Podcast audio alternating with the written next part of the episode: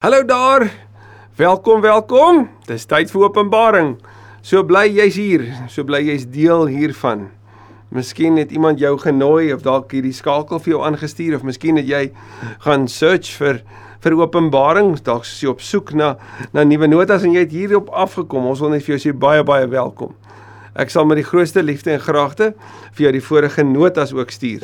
En ek moet baie eerlik sê, hier's geweldig baie notas wat ek hier voor my het, 'n klomp fynere detail. Hier's oulike beelde wat jy agter die notas sou kon kry en kon gaan lees, want daar nie tyd is om hierop te fokus nie.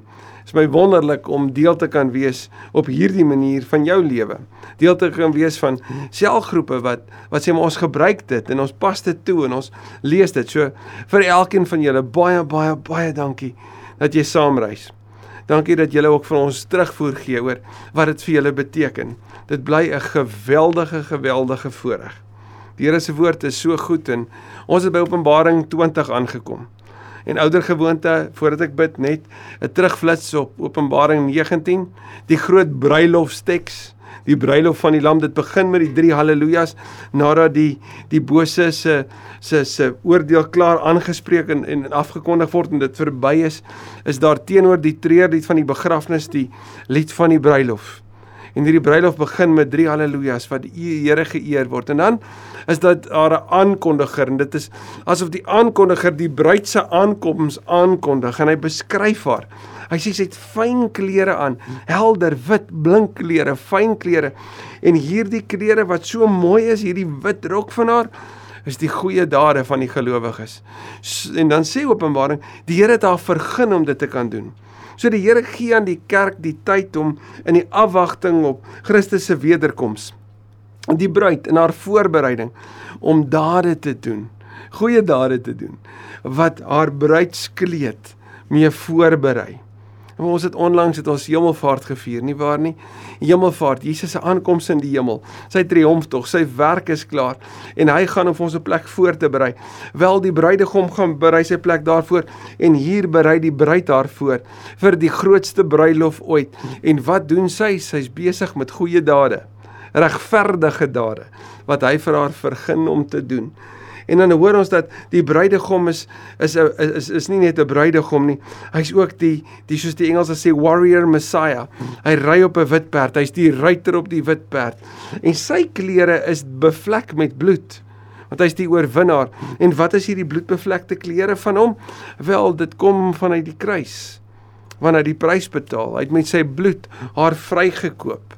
En hy's die oorwinnaar want hy het opgestaan, die triomfator, Christus Victor en ry voor en agter hom is daar die leermagte met helder blink klere. En vir ons mans help hierdie so bietjie nê. Nee. Ons hou van die leermagte, ons hou van die oorlog. En hierdie idee van 'n bruid is vir ons vreemd. Net soos daar vir die vrouens 'n 'n vreemdheid rondom die leer wat gaan oorlog voer. Maar albei kom sê ons behoort aan die ruiter, ons behoort aan die bruidegom. En hierdie ruiter wat die oorwinnaar is, het 'n het 'n swaard in sy mond en wanneer hy spreek, dan bring dit oordeel oor die bose. En die ironiese toneel van die van die bose wat aanmeld vir oorlog. En ons sien in Openbaring 19 hoe twee van die bose trio in weet in die vuurpoel gegooi word. Hoe die woord uitkom en dan verwoes dit en dit is verby. En dan is daar hierdie donker toneel as dit ware waarin dit wat oor is deur die aasvoëls opgeëet word deur die roofvoëls. So teenoor die treurige toneel hier, die fees van die lam, daar is nie 'n oorlog in die hemel nie want ons het vroeër in Openbaring dit gesien. Die duiwel is uit die hemel uitgeskop. Daar's nie 'n oorlog om te hê nie.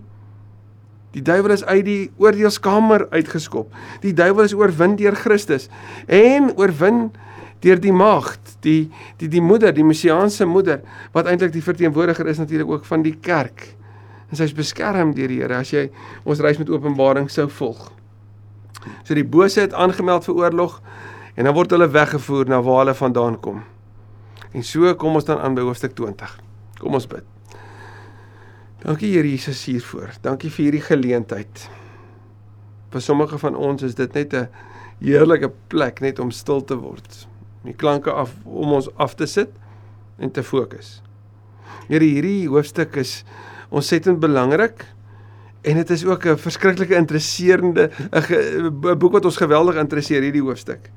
Dis 'n interessante tema. Interessante plek wanneer ons praat oor duisendjarige vrederyk en oor die toekoms en oor die verlede. Ons wil eerstens net kom erken, Here, ons is maar net mense met baie beperkte kennis en insig. Maar ons wil ons beste gee vandag om te hoor wat U sê. Ons wil ons beste gee om ergens iets te verstaan juis hieroor. Want hierdie hoofstuk het al soveel vrees geskep. By mense soveel verkeerde gedagtes oor die toekoms geskep. Daar's soveel dwaalleer ook wat hieroor bestaan. Help ons daarom om met 'n baie gesonde bril en 'n 'n wyse bril hierna te kyk. Kom lei ons asseblief, Heilige Gees. Amen. Amen. Die opskrif die Satan word vir 1000 jaar vasgebind. Nou is die belangrike eerstens. Daar's verskillende perspektiewe vanuit die kerklike tradisie wat hierna kyk. Die eerste en dit is waarskynlik die naaste of die eerste vlak net na die opstanding omtrent hier van 100 jaar na Christus tot omtrent seker 300 jaar na Christus was daar 'n baie sterk fokus en daar's vandag nog so een fokus om te sê maar hierdie wat ons hier gaan lees dui op die toekoms. So ons noem dit die premillennialisme. Om te sê wat voor lê is dat die Here gaan kom en die duisendjarige vrederyk gaan aangekondig word. So Jesus het opgestaan, hy het oorwin, maar wanneer hy weer kom is daar 'n aankondiging hiervan. So met ander woorde, ons is nie nou in daai tyd nie. Daar is 'n tweede deel wat sê maar is nie so nie. Jesus het oorwin. Hy het in die triomftog ingestap soos Kolossense 2 sê. Daar's 'n triambos, hy's klaar oorwin. Daar's nie 'n oorlog nie. Hoofstuk 19 kom sê vir ons. Die die die die diere het aangemeld vir vir vir gevangenskap en hulle is hulle is verwoes. So daar kan nie so iets wees nie. Ons het vroeër gesien dat die die Satan is uit die hemel uitgegooi. So hy's nie teenwoordig in die hemel nie. So die die millennialistiese of amillennialistiese perspektief sal sê nee, hierdie hierdie dui op waar ons nou is en en ons is nou in die tyd van die vrederyk want Jesus het klaar oorwin. En dan is daar die postmillennialisme. Ekskuus. En en dit lê baie naby aan die vorige. Eintlik sou jy amper kon sê hierdie twee lê dieselfde. En dit lê daarin dat die kerk se funksie nou in in voorreg is om die evangelie te verkondig. En die Satan is beperk. Hy kan nie hierdie keer nie. Die verspreiding van die woord gebeur en hy word ingeperk, vasgebind totdat Jesus weer kom. Hoe dit ook al sê, waar jou kant of waar jou perspektief is gaan lei tot wat jy beleef wanneer ons hierdie lees. Toe het ek 'n engel uit die hemel sien kom met die sleutel van die onderaardse diepte en met 'n groot ketting in sy hand. Hy het die draak, die slang van ouds wat die duiwel en die satan is gegryp en hom vir 1000 jaar vasgebind. So die premillennialisme sê dit gaan nog gebeur. Hy gaan die hy hy gaan hy's nou vasgebind en daar gaan 'n weet hy hy gaan vrygelaat word. Dit lê in die toekoms. Anders sê nee, dit het klaar gebeur. En natuurlik die ander perspektief, die evangelie word verkondig in hierdie tyd. Hoor dit ook al sê, hy's vasgebind, hy's ingeperk. Dis belangrik. En natuurlik hierdie 1000 jaar is 10 tot die mag 3, 10 die getal van volledigheid, 3 die getal wat gewoonlik met God geassosieer word. So die twee saam sê dit is 'n God gegeewe, God gewilde volledige tydperk. Dit moet nie fisies of letterlik so gesien word nie. Hy het hom in die onderaardse diepte gegooi, dit toegesluit en dit bokant hom verseël sodat hy nie meer die nasies kan verlei voordat die 1000 jaar om is nie wat ons hierin sien is dat die die Satan self, kyk ons het nou klaar gesien dat die dat die anti-kris en die valse profete 'n valse profeet, die twee diere is in hoofstuk 19 verwoes. Nou is dit die duiwel wat ons sien, die fokus is op hom en die fokus dat hy vasgebind is. Hy kan nie die nasies verlei nie. So wie moet hulle dan impakteer? Wie moet hulle dan bereik? Die kerk natuurlik, nê. Nee. Daarna moet hy 'n klein rukkie losgelaat word. En ek en jy sou kon vra vir wat? Vir wat? Openbaring sê mos vir ons wat gebeur aan die einde van tyd. Wanneer Jesus kom, is daar 'n tyd van oordeel. So wat gaan met die Satan gebeur? Hy gaan geoordeel word en dan is dit die einde. So hy moet uitgebring word sodat hy voor die regter kan verskyn. Toe het ek trone gesien en die siele van die mense wat onthoof is, omdat hulle aan die getuienis van Jesus en aan die woord van God vasgehou het. So hierdie is die martelare wat reeds dood is Hulle wat in hoofstuk 6 vers 10 bid en sê Here, hoe lank nog? Hoe lank nog voordat die die gelowiges wat nou gemartel word nog moet ly en dan hoor hulle die antwoord nog net 'n klein rukkie. So hulle is reeds daar. En dan beskryf Openbaring iets wat uit die Joodse apokaliptiek uitkom en in die Joodse apokaliptiek die verwagting van die einde was dat die Jode saam met die Here sal heers. So iets wat daaruit kom, vertel, hulle het vasgebyt en hulle het gelei en hulle het nie prys gegee nie en nou kom hulle by 'n plek van heerskappy saam met hom. Hulle het op die trone gaan sit en aan hulle is die bevoegdheid gegee om as regters op te tree. Dit is hulle wat nie die dier in sy beeld aanbid het nie en nie die merk op die voorkop en op die hand aanvaar het nie die dier in sy beeld natuurlik keiser Domitianus wat dit vereis het dan Efese met sy beeld hy wat wou hulle moes hom aanspreek as Here en God en die die merk en die van die dier op die hand en en in die kop wys natuurlik op die denke en die dade. So hierdie gelowiges het nie dit gedoen nie, hulle het dit nie gevolg nie, hulle was anders.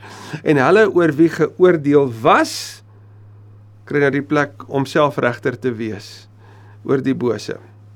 So iets van 'n erkenning vir hulle vasbyt. Hulle het lewend geword en saam met Christus 1000 jaar lank geregeer. Nou hierdie hulle het lewend geword, sê die martelare het gesterf, maar hulle is nie dood nie. Hulle lewe. Net soos wat Jesus opgestaan het, sê 1 Korintiërs 15 as eerste, volg die gelowiges agter hom aan. Hulle is nie dood nie. Hulle lewe. En gaan lees asseblief Daniël 7 vers 13 en 14 wat iets hiervan beskryf van van die Here wat 'n 'n menslike gewaad het, die beeld van 'n mens het, maar dat hy heers en dat hy vir ewig heers. Jesus se opstanding het 'n gevolg en die gevolg dat die gelowiges wat ly is, hulle sterf. Gelowiges wat agter hom aanstap by hom sal wees. Dit is die eerste opstanding. Nou die interessante is, hierdie eerste opstanding natuurlik het 'n verwysing met hulle wat fisies dood is, nê? Nee? Maar Paulus sal vir ons kom iets kom sê van nee, daar's iets anders wat in sy lewe gebeur het. Want Galasiërs 2 vers 19 en 20 sê hy: "My begrafnisdatum het geskuif. Ek leef nie meer nie, maar Christus leef in my." So so ek leef nou al saam met Christus en ek leef hierdie lewe voort. Die ander dooies het nie lewend geword voordat die 1000 jaar om was nie. Dit kom sê baie direk dat die ongelowiges deel nie aan die opstanding nie. Hulle deel nie in die ewige wees saam met die Here nie. Dit kom sê vir jou en my dat gelowiges hoor mooi, gelowiges wanneer hulle doodgaan by die Here is. Dat ongelowiges nie by hom is nie. En wat gebeur aan die einde van tyd? Openbaring sê vir ons, daar's oordeel. Geseënd en heilig is die wat aan die eerste opstanding deel het. Oor hulle die tweede dood geen mag nie. Die tweede dood is nie net die fisiese dood nie, maar die oordeel wat wag maar hulle sal priesters van God en van Christus wees en sal met hom die 1000 jaar lank regeer. 'n Tydperk van oorwinning. Priesters, hulle wat die evangelie bemiddel, hulle wat gebede bemiddel. Ons sien dat hulle hulle diensbaar is ook in die hemel. Wanneer die 1000 jaar om is, sal die Satan uit sy gevangenskap losgelaat word. Nou hierdie ruimte van inperking word nou losgelaat. En sien mooi, hy's nou nie meer deel van 'n bose trio nie, hy's nou op sy eie. En wat gaan nou gebeur? Dan sal hy gaan om die nasies wat tussen die vier uithoeke van die aarde is, die Gog en die Magog te verlei. Nou Gog en Magog uit Esegiel 37 en 38 gaan ek en jy sien is 'n beskrywing van die nasies wat teen Israel geveg het. Die nasies wat ongelowig is. Ekskuus 38 en 39. Die nasies wat teen God is. En om hulle byeen te bring vir oorlog. Ai, julle nou wat ek sou sou ek wou sê, Satan leer jy nie. Het jy nie hoofstuk 19 gesien nie? Het jy nie gesien hoe hoe die hoe die twee diere al die konings van die aarde bymekaar wou bring vir oorlog wat ons sou verwag by Armageddon sou wees? Daar net dis kan die bruiloft toneel nie. En dan is daar nie oorlog nie, hulle word vasgebind en weggevoer. Nee, my luister nie of hy leer nie. Nou bring hy die nasies bymekaar. En dan staan sê Johannes, hulle is so baie soos die sand van die see. Hulle het oor die hele oppervlak van die aarde aangekom en die laar van die gelowiges in die geliefde stad omsingel. En die geliefde stad natuurlik Jerusalem in die, in die tyd van die Bybel en Jerusalem het ook die nasies gehad wat hulle sou omsingel en hulle sou wou aanval. So 'n beeld uit die uit die verlede wat vir die lesers van Openbaring bekend sou wees. Maar hierdie is 'n baie apokaliptiese beskrywinge, 'n beskrywing om te sê maar dis massas mense, dis geweldig baie. Om net iets te beskryf van hierdie omvattende visioen wat Johannes gehad het. Toe het daar vuur uit die hemel gekom en hulle verteer. So vinnige sinnetjie. Hulle kom in massas en massas en massas om oorlog te voer. Die Satan heel voor. En toe is daar vuur en toe is dit verby. Hulle kom by die bruilof, net daar by die bruilof en die en die ruiter aan om oorlog te voer en hulle word weggevoer en dis verby. Hoor jy dit? En daar's nie oorlog nie. Nie vir die dier nie. Hy hulle hulle word hulle word verwoes. Nie vir die Satan nie. Daar's vuur uit die hemel en hulle is verteer. Die duiwel wat hulle verlei het, is in die poel van die vuur en swaal gegooi. Daar waar die dier en die valse profeet ook is. Hulle sal dag en nag gepynig word tot in alle ewigheid. Toe het ek 'n groot wit troon gesien nou teenoor hierdie donkere toneel van verwoesting, die hemel. Groot wit troon gesien en die een wat daarop sit. Die aarde en die hemel het voor hom pad gegee en daar was nie meer plek vir hulle nie. En nou was die die aarde en die hemel moet skuif en daar's nie meer plek nie, dan beteken dit God bring iets nuuts as iets moet weggee, iets moet prysgee, iets moet skuif, dan is daar iets nuuts op pad in hoofstuk 21 gaan vir ons sê wat. Ek het die dooies groot en klein voor die troon sien staan en die boeke is oopgemaak. Nou het ons al geleer van die boekrol daar in hoofstuk 5. Nou word daar boeke oopgemaak. Daar is ook 'n ander boek oopgemaak. Dit is die boek van die lewe. En hierdie boek van die lewe het elke maal nou al in Openbaring na vore gekom. Dit sou ook ombeskryf word as die boek van die lewendes dit word natuurlik verwys na die dat die oorlogrol, hulle wat nog lewend in die oorlog is, hulle name is daar in die boek van die van die lewendes. Hierdie natuurlike beskrywing van hulle wat in Jesus glo, wat se boek in wie se name ingeskryf is. Die dooies is toe geoordeel. sien jy? Hou vas, hou vas, hou vas. Daar was 'n ander boek oopgemaak, dis die boek van die lewe. So hulle wat met hoop leef, nê? Nee?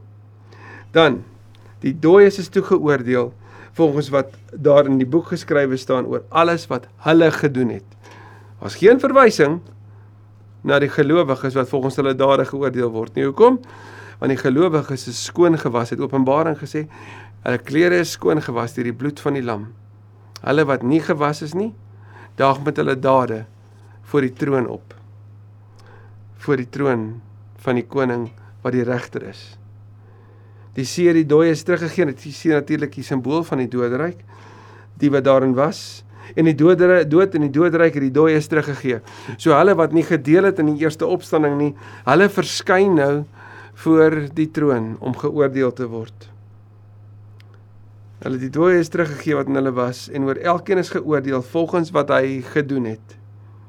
Toe is die dood en die doderyk in die vuurpoel gegooi. Dit is die tweede dood, die vuurpoel. Die finale finale voltrekking van die volledige oordeel het gebeur. Is daar gevind is dat iemand se naam nie in die boek van die lewe geskrywe staan nie, is hy in die vuurpoel gegooi. Geloof in die Here maak die onmoontlike moontlik. Deur te ontvang wat hy vir jou gedoen het, maak dat jy skoon gewas is. Jy gaan staan nie voor God met jou dade nie. Jy gaan staan voor hom met jou vertroue op Jesus. Jesus wat in jou plek kom staan. Jesus wat namens jou die prys betaal het, wat God se straf op die sonde gedra het. As jy nie kies vir Jesus nie, as jy dit verwerp, dan is die Bybel baie duidelik. Die Bybel sê dan gaan jy in die vuurpoel gegooi word. En hoor mooi, nie omdat God liefdeloos is nie, maar juis omdat hy regverdig is. Hy keer nie ongeregtigheid goed nie. Hy laat nie alles maar net gaan nie. Maar omdat hy liefde is, wreek hy hom op hulle wat nie glo nie.